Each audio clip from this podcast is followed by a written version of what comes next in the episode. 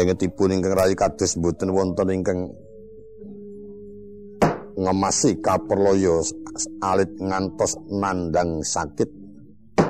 Namung jalaran saking katempring ngayuda kapupuh juritipun satemah lajeng mundur saking peperangan ngantos anglumpati garis ing kurusetra Loros ingin dados aturipun kadang kula Dimas Sencaki keporo estu bilih mboten wonten para wadya bala ingkang nandang cintaka syukur pinagi sewu. Banjur kang angka loro Dimas. Zaman sirnane kakang buga dento dri. Wis meh surup latri wis ana ana senopati kang anusuli. Majune kakang gardopati karo kakang wisraya Ingin mongko mitra sangka ngendikane Koko Prabu Kang Mas Arjuna dun Kang Mas Perkudur wis pinaringan wangsit yen to wis wanci surup Surya aja nganti padha temandang peperangan. Miturut gutake ngakeh Senajan to kono wanci bengi Kang Mas Perkudur Kang Mas Janaka banjur padha ngarepake peperangan musuh marang Kakang Gardaparti. ingin saenggo sprene durung ana pekabaran malah ana samene kang ngabarake ilang mengkono Dimas Encang Nrataping pamikirku kok dadi semono kanane peperangan Kang Mas Janaka nganti ninggalake marang kabeh para kadang ora ana kang cilik bisa ngerti ana ngendi telonjonge gedhe yen to tumeka ing sedo kepiye alang wujure Senadyan to wonten ngabaraken bilih Kang Mas Janaka tuwin Kang Mas Werkudara. Kapupuing yuda ical saking peperangan. Namung kemawon kakang mbok ampun ngantos pitados yen to Kang Mas kekalih ngemasi kaperloyo Daran jalaran dering wonten wangsit utawi mboten wonten tondo tengaranipun Iya Dimas nanging uga tansah dadi pangrasa utawa dadi pengangen-angenipun Kakang kula nuwun. Bocah prajurit wonten pare dawuh. Kanca-kanca apa padha nglirwake eh dipun ngabdi sampun swadya sawaji-waji. Wonten kedadosan peperangan boten badhe mingko wonten medan pertempuran. syukur pinanggi sewu gambarake kabeh para wanita duweni tanggung jawab. Uga darbi wenang labuh negara kula nuwun inggih Raden Ayu. Sikro mangrakiting nawang sasongko Majarana jagat ya kang kinarya momong sarira tunggal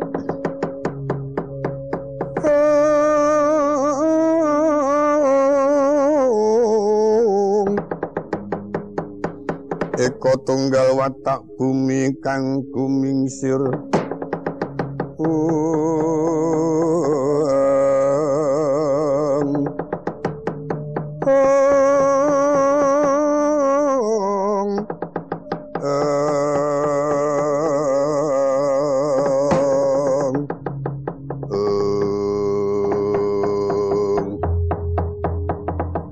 ya teko mangkono dening ngantos pantara dangu.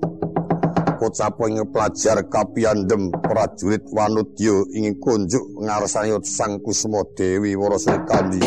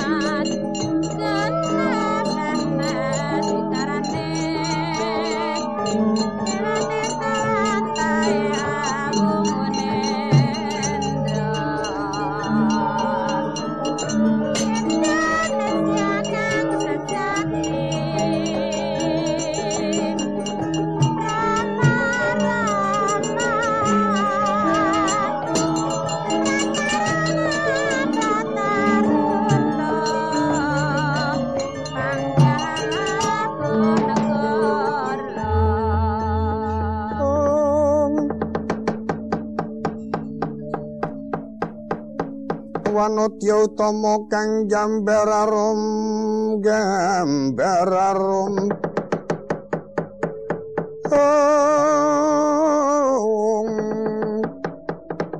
sang kusumo. Yata mawur madu bronto. Gembrang-gembrang yen ngandika kowe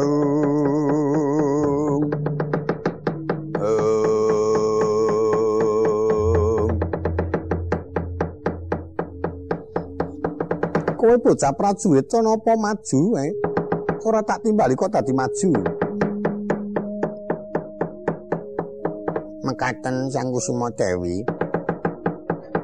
Anggen kula marak sowan wonten ngabiyantara menika wawestanipun kula jagi wonten sak jawining pakuwon anamung.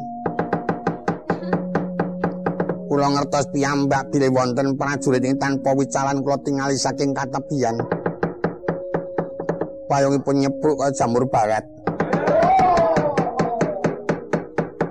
Tumbak pating celalang. Boten badhe sisip ingin dados wawasan kula menika terang yen to prajurit saking Ngastina. Iya. Menika swara teng klonteng.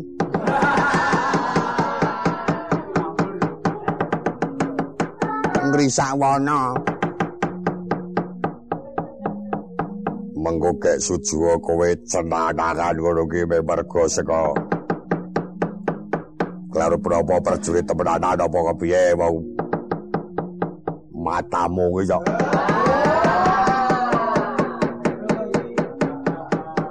Ngemati prajurit ngemati wong motok.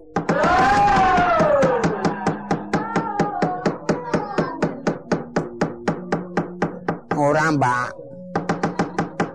Tenan. Mau senajan to kaya ngene sipate sipat prajurit ngono. Wage jajal tak pensiun. Ora sampe lu perang. Cuwek sisan. Mangale ngoso-ngoso. Dimasen cakilan Kakang Udawa diatur prajurit jajal dibethukke apa nyata apa ora sendika Kakang Udawa tumandang ing istana.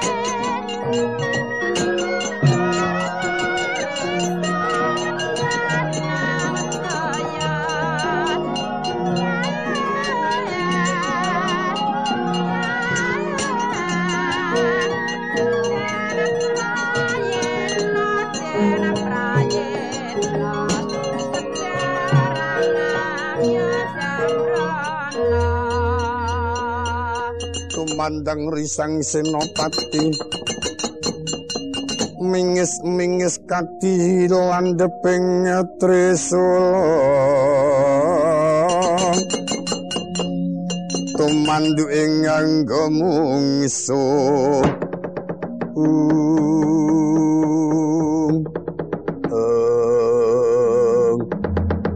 Bocah prajurit wonten Jawa, wonten Jawa.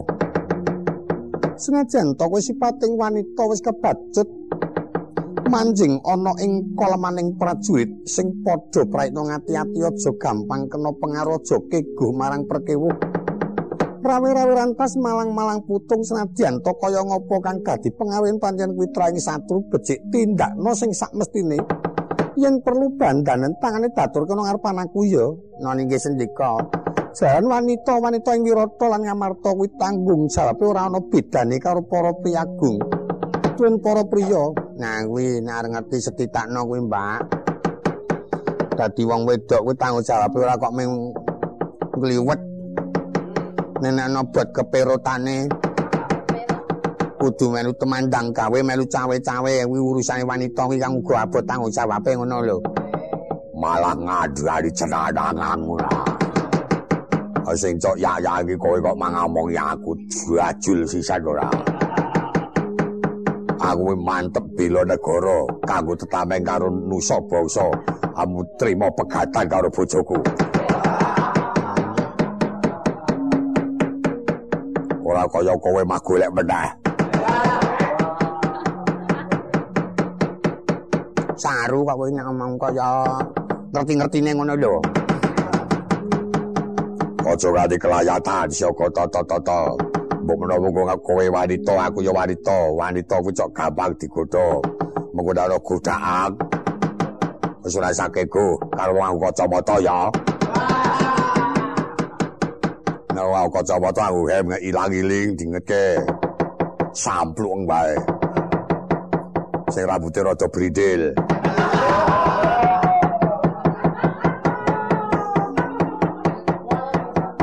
Sing isane wing alo-alo sih.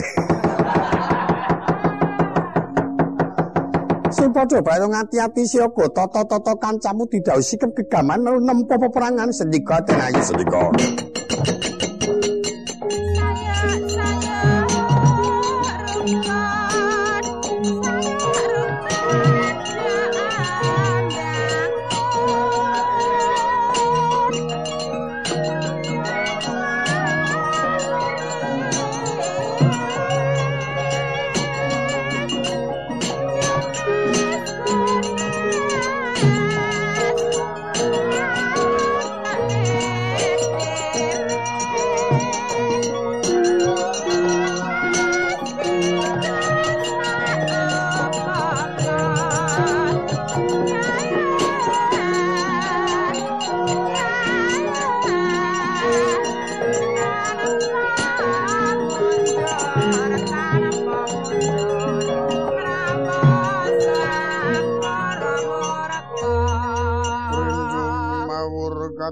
Sang mangawur-awur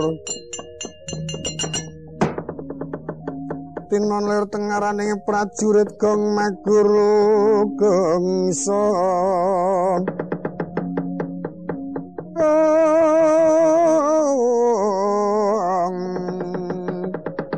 Swara tetek lir butul-butul no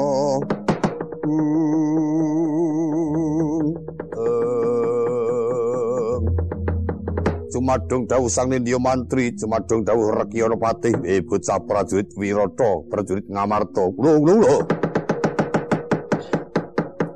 Miturut aturi prajurit wanita kang kunjuk ngersane Gusti Muka Sang Kusuma Dewi Wara Sri Kandi iki ana prajurit nekani kang wanindra basing pabarisan ing pakuwon Bulu Pitu.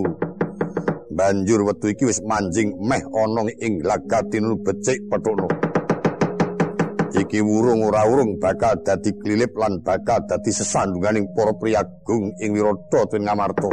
Wis sedika siyaga tata-tata aja nganti kurang kaparan nggunakno kawaspadan wateking prajurit ana ing paprangan aja nganti kego perkara rasa ngeling-eling keluarga anak lan bojo. Isine kejaba mung rebut kemenangan luputo mati mukti rawi-rawi rantas malang-malang putung ranjap prajurit Thank you.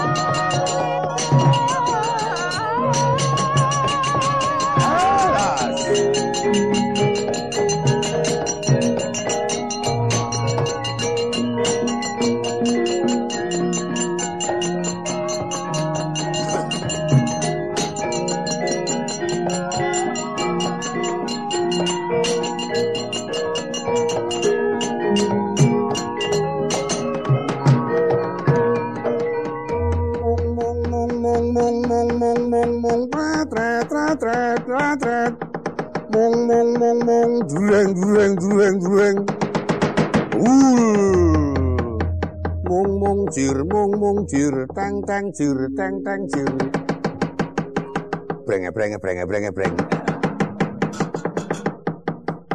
tambure kok suarane kok ngono to kuwi bedah Wah, ngisin-isinke padha diperjulit ngadepake perjulit tambur bendi kalah bening ra Yesus. Eh, kisana iki perjulit saka ndi? Aku sangka Wirata lan Ngamarta kowe. Seka Ngestina. Iki ana tapal watesing bulu pitung lagah tinunu. Aku ngemban dawuh kowe semingkira sangka kene keparat.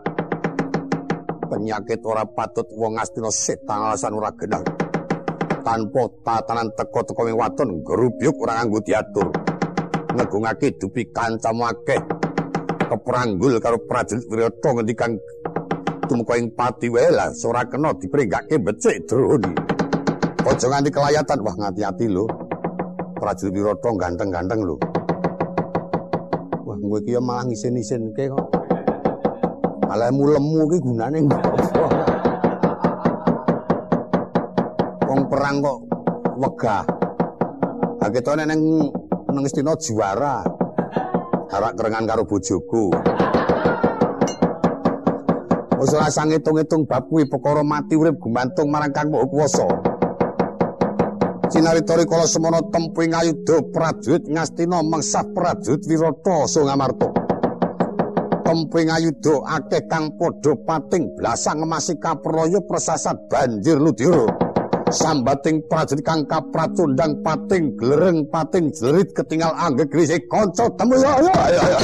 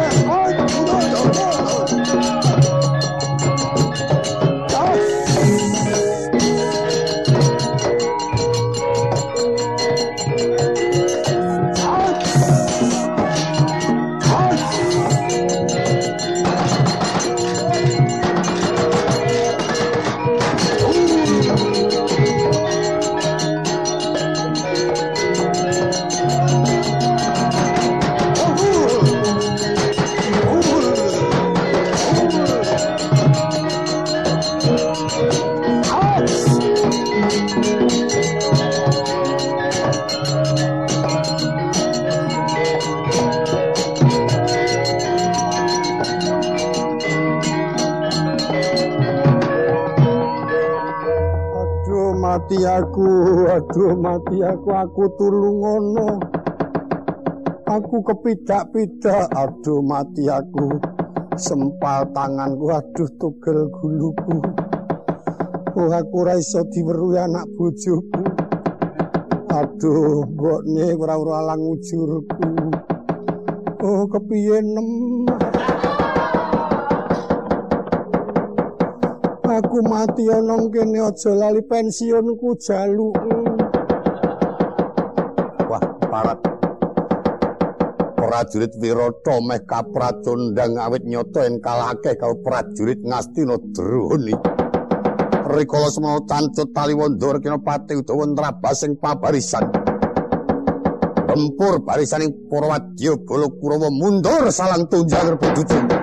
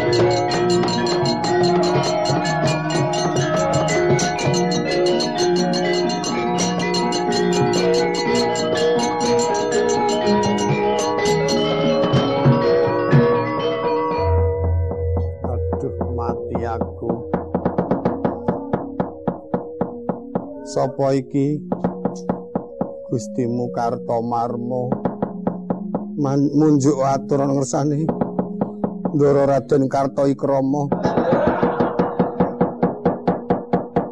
Gusti Gusti Kartomarma kula nyuwun pangayoman pejah. Aduh. Wong pirang-pirang adus getih kabeh. Inggih. Sopo sing ngamuk? Wong ngajeng tempuh bitutama mengsah prajurit Wirata, prajurit Wirata meh badhe ketemper. Ingeng manjing wonten peperangan robo sing pabarisan namung tiang setunggal. naminipun nika napa Udawa napa sinten mlebet barisan nyandak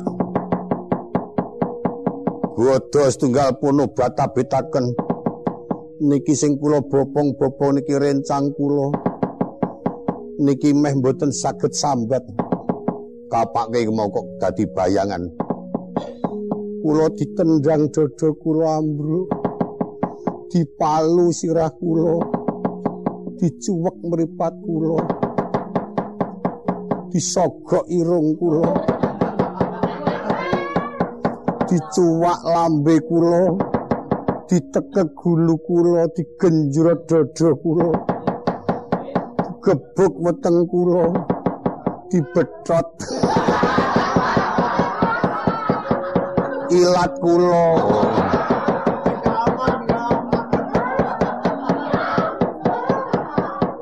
mlumpate kok ado temen. Bar weteng kok ilat. Kula mboten kiat Raden Kartomarmo. Mundur Udawa tak ajari penyakit.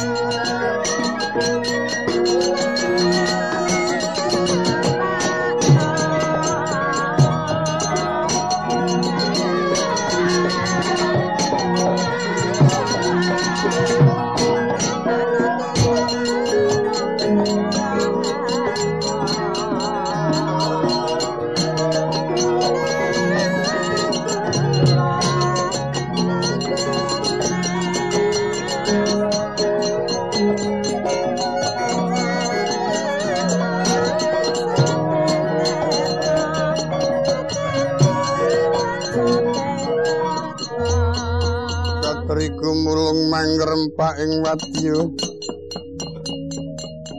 makiri ronanggono ronanggono ronanggono gawe gelar sira wang utawa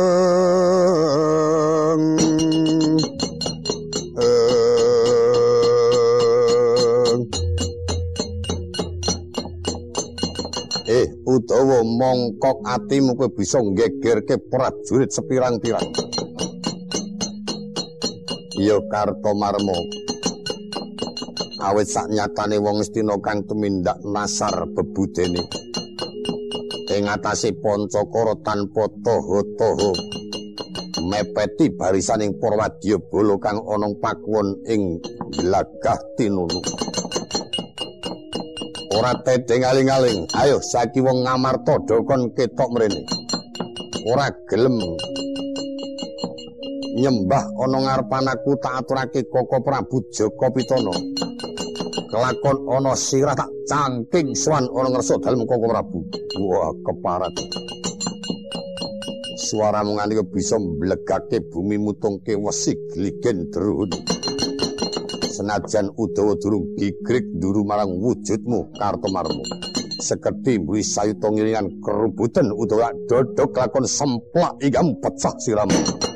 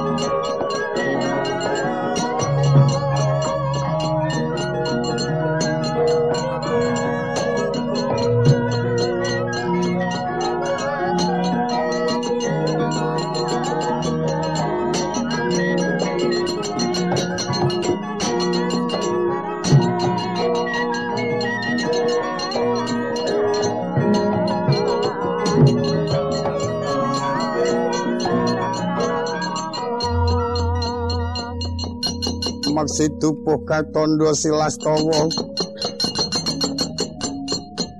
kumregut maguting ayuda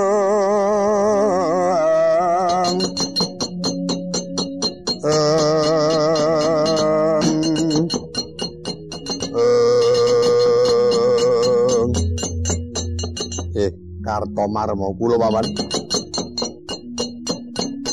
Mungsu Musa Ponggir. Patih Udawa. Mboten nginten ing atasun Patih Udawa kok tandhanipun ngebat-ebataken sanget, Pak. Aja nganti dinehi ampunan. Nyekel gegaman Udawa dipateni. Awit iki uga klebu kekuatane wong Wirata, kekuatane wong Amarta. Ora bisa mateni Udawa wirai jagat sekeca lenggah kelakon tiban gamanku kurang bejo. Ajur bangking.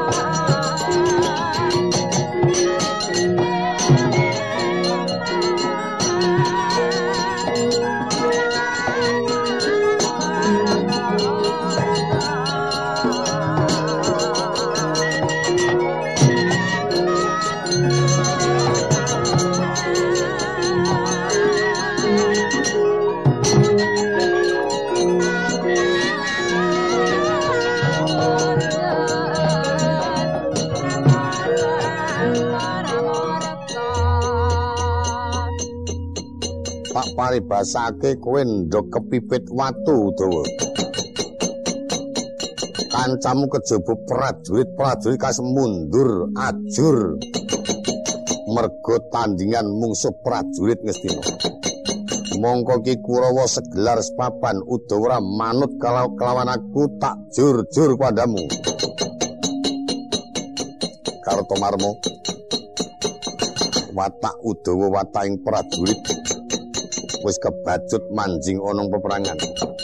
Terima aku tekaning pati, terima aku nganti nyembah dengkul. Wah, pecah siramu eh.